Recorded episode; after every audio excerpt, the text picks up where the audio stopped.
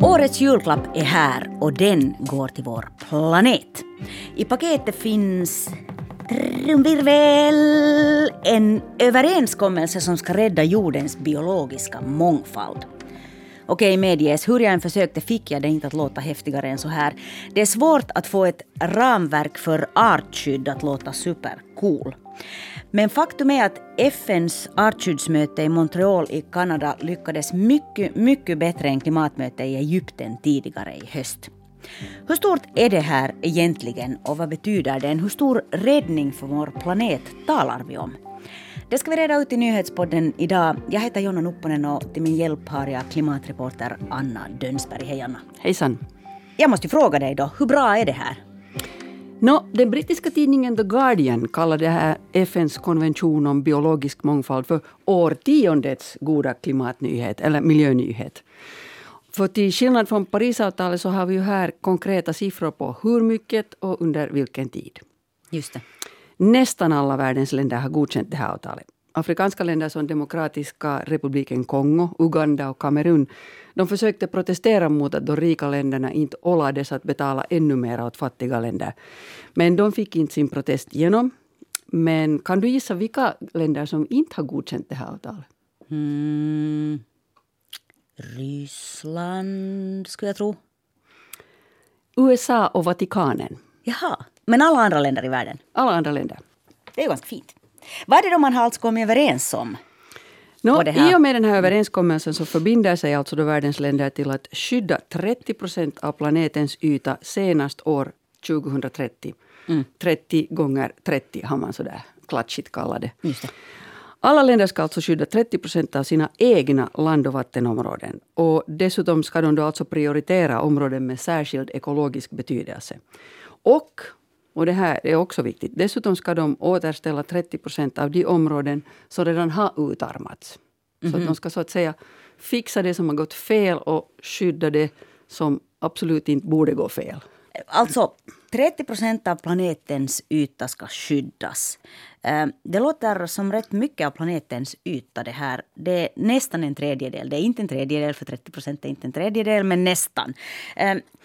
Finns det en så mycket orörd yta på jorden som vi människor inte redan antingen lever på eller utnyttjar i något syfte? Sådär matproduktion eller gruvdrift eller skogsbruk eller bomullsodling eller vad det nu är vi håller på med här på den här planeten.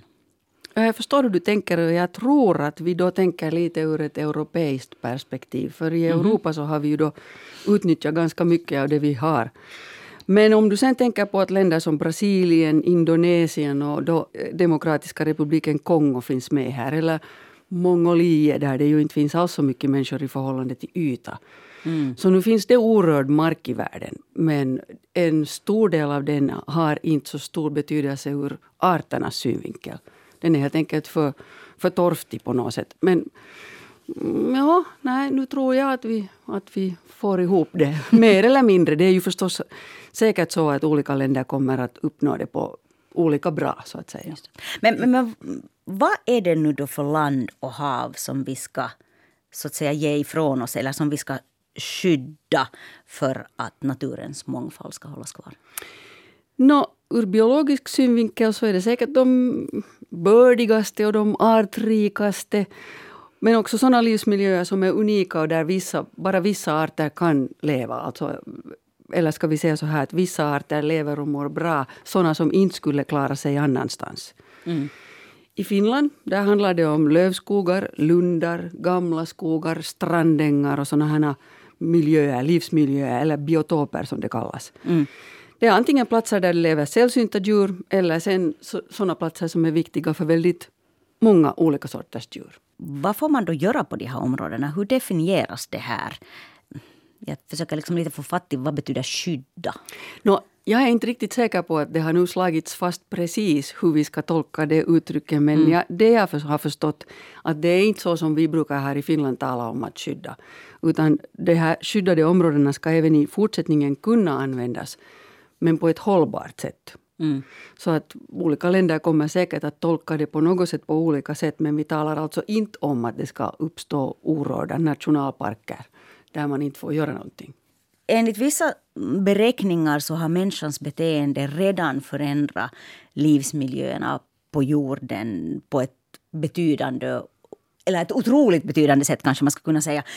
Till havs så har vi människor lyckats ändra på 66 procent av livsmiljöerna och på land har vi påverkat till och med 75 procent av livsmiljöerna. Det, det betyder att bara, det är bara en fjärdedel som vi så att säga inte har påverkat av all yta på vår jord som är land. Men nu handlar det ju inte bara om att skydda utan det handlar också det här avtalet som man har kommit fram till på det här FN-mötet om artskydd återställa. Du nämnde det där för en stund sedan. Och det är också 30 procent. 30 procent ska skyddas, 30 procent ska återställas. Den här 30 procenten som ska återställas, vad betyder det här? Det handlar alltså om sådana områden där som vi har slitit hårt. Alltså säkert sånt som vi har redan så att säga använt slut och, och gått vidare för att det är förstört. Mm. Och I Finland till exempel så tror jag att det handlar främst om våra torvmarker som, som ju borde återvetas. Och många av våra, de diken vi har grävt borde helt enkelt täppas till. Men tanken är nu i alla fall att fram till år 2030 så stoppar man den utarmning som pågår. Och den pågår ju överallt där det finns natur egentligen. Där, överallt där det finns människor i närheten så har vi på något sätt ställt till det. Mm. Men, men, kan man göra det här? Fram till 2030 ska vi då stoppa den här utarmningen. Kan man göra det? Går utarmning att stoppa och till och med kanske vrida tillbaks? Jag har förstått att det är så att om naturen lämnas i fred så kan den repa sig. Alltså mm. om den får plats så, så ökar djur och växter i antal och mångfalden ökar. Men då måste man ge den en chans. Antingen så att, att naturen på något sätt återställs, återskogas eller, eller man lämnar så att säga vattendrag och, in, och river dammar eller något sånt som, man har, som inte längre har en så stor betydelse utan som bara hindrar naturen från att komma tillbaks. Mm. Jag är ju inte biolog så jag kan inte precis säga hur den här processen går. Men helt enkelt, vi, vi måste hålla oss borta. Mm. Varför är det så viktigt? Vad handlar den här utarmningen av naturen egentligen om? Det är ett sånt vi talar om livsmiljöer och utarmning av naturen och biologisk mångfald. Och det är kanske lite abstrakt. Alltså, naturen är ju en... Alltså, vår planet, man talar ju om att det är en levande organism. Det är ju alltså en väv, en ekologisk väv. Mm. Och om äh, arter försvagas eller, eller försvinner så blir det hål i den här väven. Och då händer saker som vi nu inte har riktigt en koll på. Alltså näringskedjor bryts.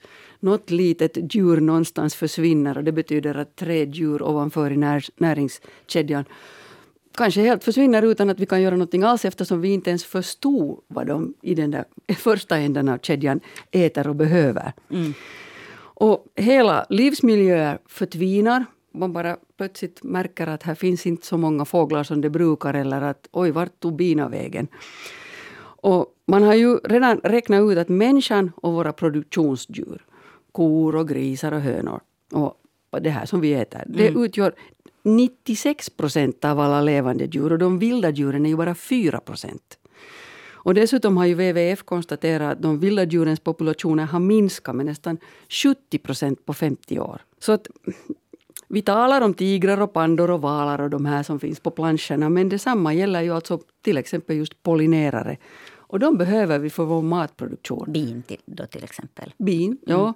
Till exempel. Men också andra insekter pollinerar. Och, och, och, då står vi där och, har, och, och vi får in, ingen mat. Liksom. Våra växter behöver pollineras. Och om någon inte utför den uppgiften så får vi som, som man på vissa håll i Kina, man får stå där med en pensel och försöka få äppelblommen att pollineras mm. för att få äppel.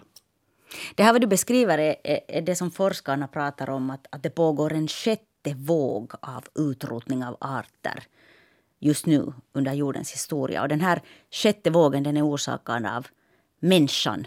Va, vad är det vi människor gör som orsakar den här utrotningsvågen just nu? Vi åstadkommer naturförlust, vi människor, på fem olika sätt. Dels genom att vi förstör och försvagar hela livsmiljöer. Tänk dig ett mm. myllrande floddelta där vi bygger en hamn. Jaha, no, då myllrar det inte av djur mera utan mer av containers. Mm. Vi överutnyttjar arter genom uh, att avverka för mycket skog eller att fiska haven tomma.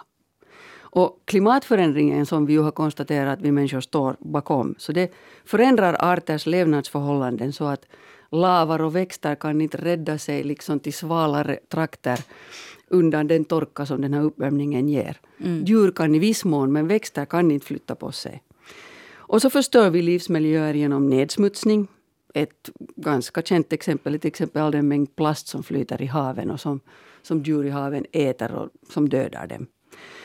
Och sist men inte minst så, så har vi ju liksom flugit världen runt och åkt världen runt med olika frön och djur och saker. Så spridningen av invasiva arter det ger också upphov till naturförlust när gamla arter inte klarar sig när nya livskraftiga kommer och skuffar dem helt ur, ur vägen. så att säga. Så de fem olika sätten har vi bruk av vår jord. Det är lite deprimerande det vad du säger. No, alltså, huvudsaken är att vi vet vad vi gör och att vi slutar göra det. Just det, så det är liksom ett steg på vägen redan. Ja. ja. Finland, som ju alla andra 190 länder nu som har skrivit under det här FN-avtalet, ska ju då skydda 30 procent av land och vatten. Om åtta år ska det här vara gjort. Vad betyder det här för Finland? No, situationen är ju inte så eh, överraskande. Hur ska vi säga? Vi har ändå förberett oss så mycket att vi har skyddat 17 procent ungefär av den natur vi har. Mm. För oss så skulle det ju gälla att återställa de här torvmarkerna som jag nämnde. De är ju stora utsläppskällor av koldioxid dessutom så det skulle vara till dubbelnytta. Och i södra Finland så borde vi skydda mera skog. Där har vi bara skyddat 3 procent av skogen. Den största delen av, av skyddad skog som vi har finns i Lappland. Så vi borde liksom fortsätta på den väg som vi har slagit in. Hur skulle det här kunna gå till i praktiken? Du sa att i södra Finland borde man kanske skydda mer. Vad borde vi liksom skydda till havs och till land? Det, I Finland så är nu det här utkastet till nationell strategi för biologisk mångfald som mm. sträcker sig fram till 2035. Den är nu på remissrunda. Nu ska den kommenteras och, och sen ska den träda i kraft i början av nästa år.